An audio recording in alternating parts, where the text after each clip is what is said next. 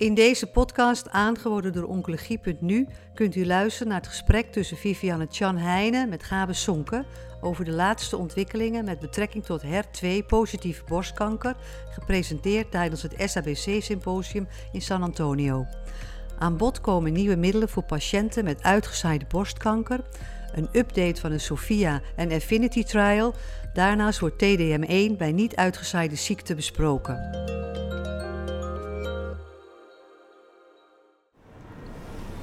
Welkom uh, Gabe, fijn dat je hier ook bent in San Antonio. Een beetje koude San Antonio, hè? Ja. Ehm, maar gezellig is het wel. Uh, veel nieuws. En ik zou heel graag met jou uh, van gedachten willen wisselen over de HER2-positieve borstkankerstudies. Ja. Want er is ontzettend veel leuk nieuws, denk ik, voorbij gekomen, interessante studies. Um, en de eerste studie die ik graag met jou zou willen bespreken is de HER2-CLIMB-studie. Dat was die studie met tucatinib, een orale TKI. Uh, die geeft wat beperktere EGFR-remming, dus die zou minder bijwerkingen hebben. En die heeft een goede doordringbaarheid in de hersenen. Ik ben heel benieuwd wat jij vindt van die studie, fase 3-studie, dus groot uh, opgezet. Want ik zelf was best wel onder de indruk ervan. Ja, en ik ben er ook van onder de indruk, ik kan niet anders zeggen. Uh, in de HER2-groep hebben we veel gezien en, en, dit vond ik eigenlijk de highlight nog van alles wat we gezien hebben. We zullen de andere zo bespreken. Ja. Ook omdat we natuurlijk eerder van de TKI's bij de HER2-positieven nou niet zo heel veel resultaten. Wel een beetje, lapatinib doet het een beetje, ja. neratinib doet het een beetje. Dus van tevoren hadden we niet verwacht dat dit nou een heel groot effect zou zijn. Maar als je bij een studie in de derde lijn uh, PFS, maar ook al direct overall survival benefit gaat zien, ja, dan zijn we denk ik met z'n allen uh, erg onder de indruk. En behoorlijk, hè? Want dat is 4,5 maand. Uh, 4,5 maand, ja, precies. Een hazard ratio van 0,66. Ja. ja, daar is eigenlijk niks op aan te merken. En ja. als je het dan hebt inderdaad over de bijwerkingen, want dat, dat was inderdaad het mechanisme, ja, dan komt dat eigenlijk ook wel naar voren. De, de studie was gedaan in combinatie met capecitabine en trastuzumab. Ja. Nou, capecitabine geeft natuurlijk gastrointestinale toxiteit, maar het was ja, ietsje meer, maar het was nauwelijks meer, eigenlijk zo'n 10% meer. Ja. Uh, maar niet in de orde grootte die we van de andere TKI's uh, in deze setting kenden. Nee, precies. De presentator gaf eigenlijk heel goed aan dat het manageable was. Hè? En met wat dosisaanpassingen eigenlijk die bijwerking geen, geen naam nee, mocht, uh, nee, mocht hebben. het meeste was gewoon de gewone 5FU-toxiciteit. Ja. En, Ja. en niet de TKI-toxiciteit zoals we die uh, van de lapatinib en uh, neratinib ook kennen. Ja, ja, bijzonder ook, hoewel we daar nog niet alles over weten. Inderdaad, nou, in ieder geval een, behoorlijke groep had hersenmetastase in deze studie. En eh, we weten nog niet of die hersenmetastase nou ook specifiek gereageerd hebben. We Ja. weten wel dat in die groep met hersenmetastase het effect net zo indrukwekkend is. Ja. Dus het is in ieder geval zeker niet dat die nou enorm uit de pas lopen. Precies. De verdere data die, die volgen daar nog over. Maar ja, de- ook dat is natuurlijk een enorm belangrijk resultaat in een groep ja, waar hersenmetastase echt nog een significant probleem zijn. En wat ik zelf ook wel interessant vond, die patiënten hadden bijna allemaal pertuzumab gehad, TDM1 Ja, gehad, hadden ja. soms nog meer lijnen gehad. Dus het was echt wel een, een fors voorbehandelde groep. Het was geen eerstelijnsbehandeling. Nee, het was derde lijn en hoger. Ja. Ja, precies. En, en precies in die setting dan zo'n resultaat vinden. Nou, ik denk Ja. dat we daar allemaal van onder de indruk waren. Ja.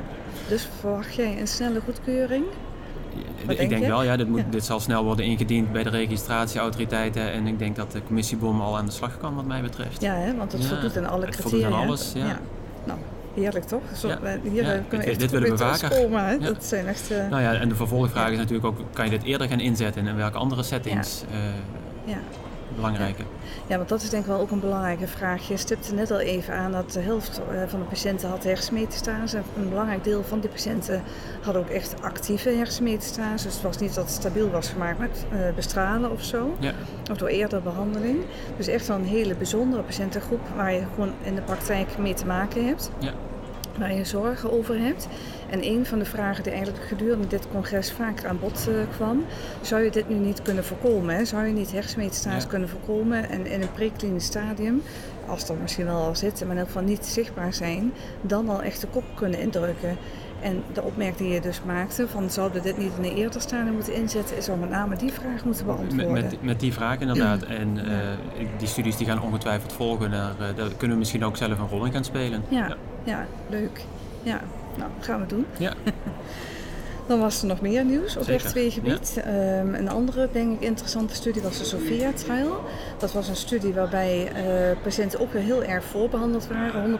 100% had pertuzumab gehad, 91% had TDM1 gehad. En dit was een uh, randomisatie tussen chemotherapie, de keuze was in feite vrij, uh, met margetuximab um, versus chemotherapie en trastuzumab. En um, wij zelf hebben ook aan die studie deelgenomen. We hadden een patiënt die een enorme lymfagitis carcinomatosa van de huid had. Echt indrukwekkend. En die patiënt heeft meegedaan aan deze studie en uh, uh, bleek margtuximab te krijgen uh, achteraf. En, en die heeft een, een heel vrij klinische complete respons gekregen. Daar is het ook niet meer teruggekomen tot, tot op heden. Dus mijn eigen um, NS1, zeg maar, ja, we hadden meer patiënten ingesloten in de studie, maar was heel erg positief. Toch vond ik de resultaat van deze studie een klein beetje tegenvallen. Ja, ja dat, dat, dat herken ik een beetje. Het, waren niet echt nieuwe resultaten, zou ik zeggen ook. Want we hadden natuurlijk eerder al de, de, de eerste analyses gezien. Dit was een update van een net wat ander eindpunt, op een andere manier de PFS beoordeeld. En dat kwam heel erg overeen met wat we eerder weten zeker niet slechter dan trastuzumab, ietsje beter dan trastuzumab. Maar misschien hadden we met het, zeg maar, het mechanisme van het middel, wat juist de ADCC, de antibody drug, uh, uh, hoe noem je het? Uh, de immuuntherapie, immuuntherapie kan, kan uitlokken. Ja. Ehm, daar hadden we misschien wat meer van verwacht. Dus het heeft misschien heel veel met verwachting van jezelf te maken, hoe je de resultaten interpreteert. Van die vorige verwachten we niet zo heel veel, en dat was juist heel, heel bijzonder. -huh. Um, ja, je, wat is het verschil in respons was 25 versus 15 procent geloof ik. Dus je ziet dat dit is zeker een effectief middel. Ik denk dat we erg op zoek gaan moeten van welke patiënten zijn nu degene die we hiervoor zo hebben. Zo, Zoals een patiënt die jij beschrijft, ja, dan is het evident dat het een effectieve uh, middel is. Het is interessant wat je net noemde. Hè? Dus als dat ene kenmerk, die CD, uh, CD16A, streep 158F uh, dat werkt dus op dat immuuntherapie-effect, uh, wat in feite ook wel gekoppeld zit aan de margtuximab. 10% van alle patiënten heeft daar een probleem bij. En als je dat kenmerk hebt, dan zie je dat trastuzumab het minder goed doet. Ja, dus op, op die manier, als die biomarker, dat zou je graag een keer in, in een nieuwe studie bevestigd willen zien. Maar dat, dat, dat, zou kunnen passen inderdaad. En dan kan je heel gericht gaan zeggen, nou de ene patiënt heeft misschien meer voordeel van margtuximab. Ja.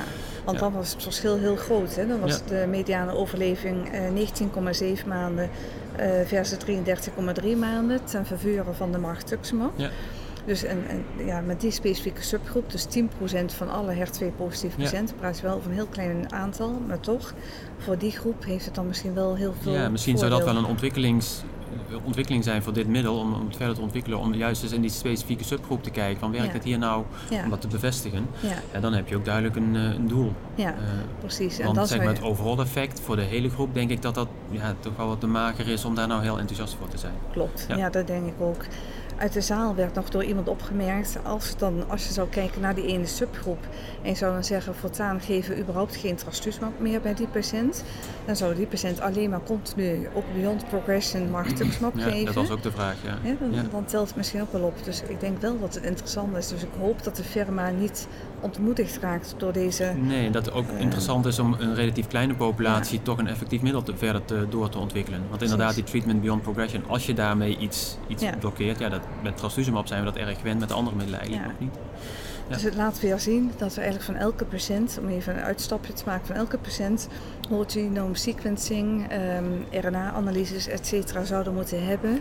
Immunochemische patronen moeten hebben uh, van extra markers, waar we nu nog niet standaard gebruik van maken, maar binnen een paar jaar wellicht wel allemaal gaan doen. Ik denk dat zeker in studies zorgen dat je materiaal afneemt. Het mooiste is natuurlijk dat je een gerichte hypothese hebt waarom een middel gaat werken. En als je dat dan bevestigd ziet, dan is het veel krachtiger dan wanneer je uit de hele ja. Ja, uh, massa en biomarkers er eentje vindt. Want die zou je toch zeker moeten gaan valideren. Ja, doet me denken aan de tijd dat HER2 werd geregistreerd, of um, trastuzumab werd geregistreerd. Waarbij uh, Sleeman opmerkte, als we HER2 niet hadden gehad als marker, dan was het een negatieve studie geweest. Hadden we het nooit gebruikt. Exact. Terwijl we nu een enorm overlevingsvoordeel hebben dankzij deze hele ontwikkeling. Nou, er was nog meer nieuws. Doet, doet, mij nog even denken aan iemand ook uit de zaal. Nee, het was een presentator die zei van moet je kijken hoeveel vooruitgang we hebben geboekt in de overleving van de HER2-positieve ja. mammocarcinomen. Maar het aantal her, uh, hersenmetastase is niks veranderd. Ja. Uh, ik geef opnieuw aan wat voor een, een met niet dat specifieke probleem ja, is. Precies, ja, ja klopt. Wil ik eigenlijk een andere stap uh, maken, want er was nog meer nieuws. Ik vond het echt een hele leuke sessie. Ja. Uh, ik zou uh, naar de Destiny Brest 01 trial willen gaan. Had je die ook uh, gezien? Ja. Dat was een studie met trastuzumab deruxtecan. Maar ik struikel nog een klein beetje over het woord. ja. en um, ook een, een buitengewoon interessant nieuw, nieuw medicament. en dit was een fase 2 studie, gaf ook weer indrukwekkende resultaten. Ja, ja enorm. Het is een, een, even simpel uitgelegd een middel als TDM1, dus een antibody-drug conjugate. Trastuzumab is gebonden aan een, een, een, een chemotherapiemiddel en dat wordt dan losgelaten in de cel op het moment dat er een binding is. En dit is een topoisomerase 1 remmer. Ja. Een beetje een irinotecan-achtige, maar dan eh, vreselijk sterk, wat je systemisch niet kunt geven omdat het veel te toxisch is. Ja. Ja, dit was een nog sterker voorbehandelde populatie dan we eerder zagen. Gemiddeld of mediaan zes lijnen voorbehandeling.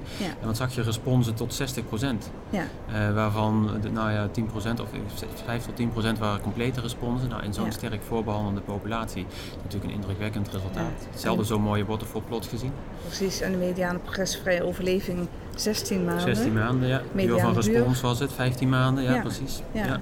indrukwekkend. Een, een, uh, een van de, de, specifieke dingen was, naar aanleiding van de fase 1-studie, dat er vrij veel interstitiële longziekten waren gezien bij patiënten. En daar was speciaal aandacht voor, ook een screening, dat mensen niks mochten hebben van tevoren, goede, goede longfunctie. En dan was er bij 15% van de mensen is het wel opgetreden, bij, bij twee uh, fataal. Ja. Um, En er was nog wat onduidelijkheid, wat mij betreft, uit de presentatie van in hoeverre de niet-fatalen nou wel reversibel waren. Dat, dat kreeg er niet helemaal uit. Nee, dat was er niet zo duidelijk over. Daar werden wat vragen over gesteld, ja, want er werd wel geadviseerd. een beetje. Ja, precies. een beetje. Dus dat werd mij ook niet helemaal duidelijk. Dat zal verder moeten volgen. Ja, um, klopt. Dat, dan wordt het natuurlijk op een gegeven moment, ik denk dat je nog liefst vergelijkende data hebt. Ja. Maar goed, in een, in een zesde, zevende lijn setting, nou ja, dan moet je wel van goede huizen komen wil dit niet een goed resultaat geven. En dan wordt het een benefit-risk afweging. En, en ja. wat zijn de toxiciteit ten opzichte van eh, de effectiviteit? En kan je misschien toch ook nog wat beter selecteren patiënten die daar risico op hebben of vroeger detecteren? Precies, ik denk dat bij heel veel van dit soort doelgerichte behandelingen we inmiddels weten dat een deel daarvan ook die interstitiële longafwijking krijgt. Als je daar eenmaal van bewust bent, ga je gewoon toch eerder stoppen met de behandeling. Ga je toch eerder de longarts in consult vragen. Je gaat toch een high resolution CT-scan vragen. Kortom, ik denk dat je eerder in actie moet komen. Eerder in actie komen en dan die volgende keer niet geven als je maar de, de, kleinste verdenking hebt. Ik denk dat je het op die manier moet zien. Ja, ja. ja. Nou, uh, de uh, presentator gaf aan dat er drie fase 3 studies op dit moment onderweg zijn. Dus ik hoop dat die vlot uh, lopen, want ik denk dat dit echt ook weer een aanwinst uh, gaat zijn voor de patiënten. Interessant dat, dat deel van de studies ook in de HER2-low patiënten zijn, hè? dus die een HER2 1 plus hebben. want blijkbaar is de binding, daar zitten natuurlijk ook, ook HER2-receptoren, een binding dan toch nog zo goed en de effectiviteit zo sterk. Ja. Waarbij dan ook nog geldt dat dit middel goed de cel ingaat naar binding, maar ook weer diffuus de cel uitgaat. Dus ook lokaal er rondomheen, ook al zijn niet alle cellen R2 positief een effect kan hebben. Ja. Dus daar lopen ook studies naar in dat, dat gebied. Ja, dat is inderdaad een interessante opmerking die je maakt. Dat waren de 1 plus en de 2 plus, hè, waar we aan gaan werken of denken. Ja, 2 plus zonder amplificatie dan. Ja, ja klopt. Dat betekent ook als we dus patiënten straks hebben met een triple negatief mammacarcinoom volgens de huidige definitie, moeten we toch even terugkijken naar de uh, PA-analyses. Uh, was het nu echt wel een 0 of was het een 1 plus of een 2 plus? En, en ja, dat, kan gaan, dat kan gaan schuiven als dit middel in, ook in die setting eh, zijn effectiviteit zou gaan laten zien. Ja. Nou, ja. Nog meer interessant nieuws uh, kwam er via Martin Picard, de Affinity Trial. Um, interessant in die zin dat het misschien ook wel een klein beetje tegenvul. Tenminste, dat was mijn eigen uh, indruk. Dus dat was de studie waarbij patiënten uh, een standaard chemotherapie kregen en trastuzumab. En de helft van de patiënten kreeg dan ook nog pertuzumab. En dit was de tweede interim analyse wat betreft de overall survival. Uh, de eerdere analyses waren al een paar jaar geleden gepresenteerd. De ziektevrije overleving is um, ook al eerder gepresenteerd. Um, en nu dus dan met 74 maanden follow-up werden opnieuw de cijfers gepresenteerd. Wat men uh, zag was dat bij de totale overleving het verschil niet significant verschillend was. Uh, een verschil van 0,9 procent. Dat mag je eigenlijk geen verschil noemen, dus het was ook niet statistisch significant verschillend. Wat ik, uh, wat ik benieuwd ben, hoe jij er tegenaan kijkt bij de N-plus status. Patiënten met lymfeklier positieve borstkanker, die hadden wel 4,5 procent winst en het was significant uh, verschillend. Denk je dat we nu moeten wachten op een langere follow-up totdat de hele studie misschien significant gaat worden? Omdat de EMA heeft gezegd, nou ja, als er de totale studie significant is, dan willen we ook wel kijken naar een subgroep en daar misschien voor gaan registreren. Ehm, in feite is er al eigenlijk een, Ja, een er is, al, registratie. er is al een registratie. Maar zoals we in Nederland er tegenaan kijken, zeggen we, daar nemen we nu nog geen genoeg mee op dit moment. Vinden we dat we, vind jij, dat we op dit moment nog steeds moeten zeggen, er is geen ruimte voor adjuvant pertuzumab ehm, in de uh, lympheklier positieve setting? Of vind je dat we als beroepsgroep moeten zeggen, nou, misschien moeten we eens gaan praten met het Zorginstituut? Nou, kijk, ik denk dat we naar de Nederlandse situatie hebben we denk als beroepsgroep afgesproken wanneer we iets goed genoeg vinden in een adjuvante setting of, of neo-adjuvante setting. En dan denken we, ja, dat willen we eigenlijk overall survival voordeel zien. Nou, sinds kort hebben we de pasquil criteria aangepast dat je zegt, nou, je mag het ook wel doen op uh, uh, eerdere maten zoals disease-free survival. -huh. maar dan willen we wel een behoorlijke hazard ratio zien. -huh. en die moet dan ook op een gegeven moment nog bevestigd worden door overall survival. Ja, -huh.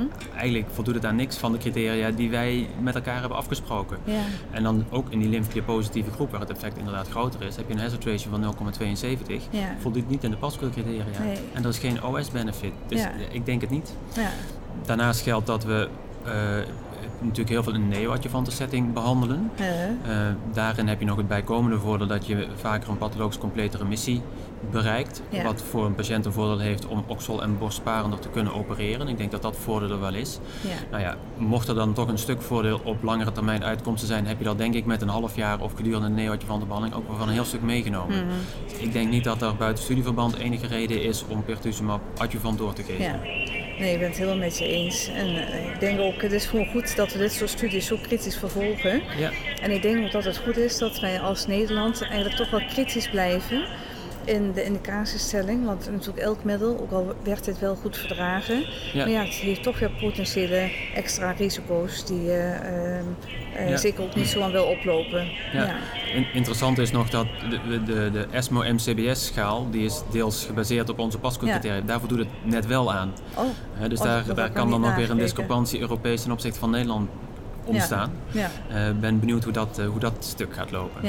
Ja, Voor de noodpositives moet ik zeggen. Ja, Dat is altijd lastig ehm, Ja. als je met je buurlanden straks een ander beleid ja dat maakt het of natuurlijk een beetje ingewikkeld. En dan zijn we vaak in Nederland het, het, eh, ja, het strengste Mhm. meisje in de klas. Ja, voor jongetje, ook. Meestal zijn het jongetjes, maar ik denk, laat ik ze een meisje noemen. Ja, nou, dit was dus best een beetje een teleurstelling, toch ja, wel weer. Ja, Ehm, teleurstelling ook niet helemaal onverwacht als ik eerlijk Nee, ben. dat is waar. Ja, Dit, dit, dit kwam ongeveer overeen met wat we verwachten. ja, klopt. Ja.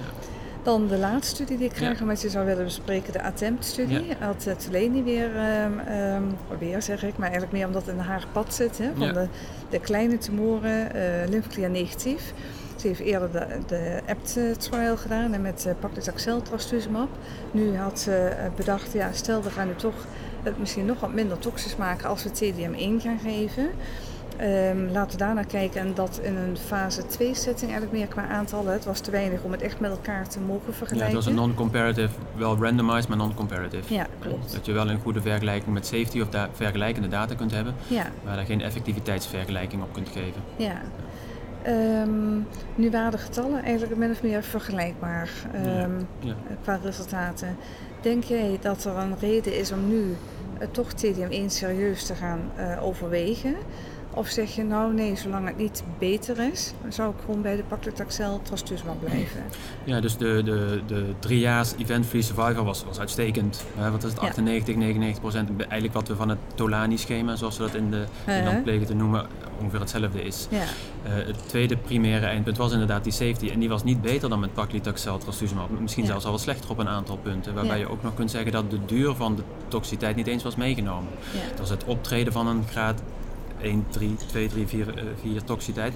Maar een jaar TDM1 of een jaar toch lichte misselijkheid of een jaar B-merksuppressie is echt wel, vind ik, wat anders dan 12 weken ja. paclitaxel. ja. Dus ik zie eigenlijk niet duidelijk de voordelen. Misschien Mhm. voor hele selecte patiënten. Iemand die echt beslist niet kaal wil worden. Of Ja. iemand die pianist is en echt geen neuropathie wil gaan krijgen. ja.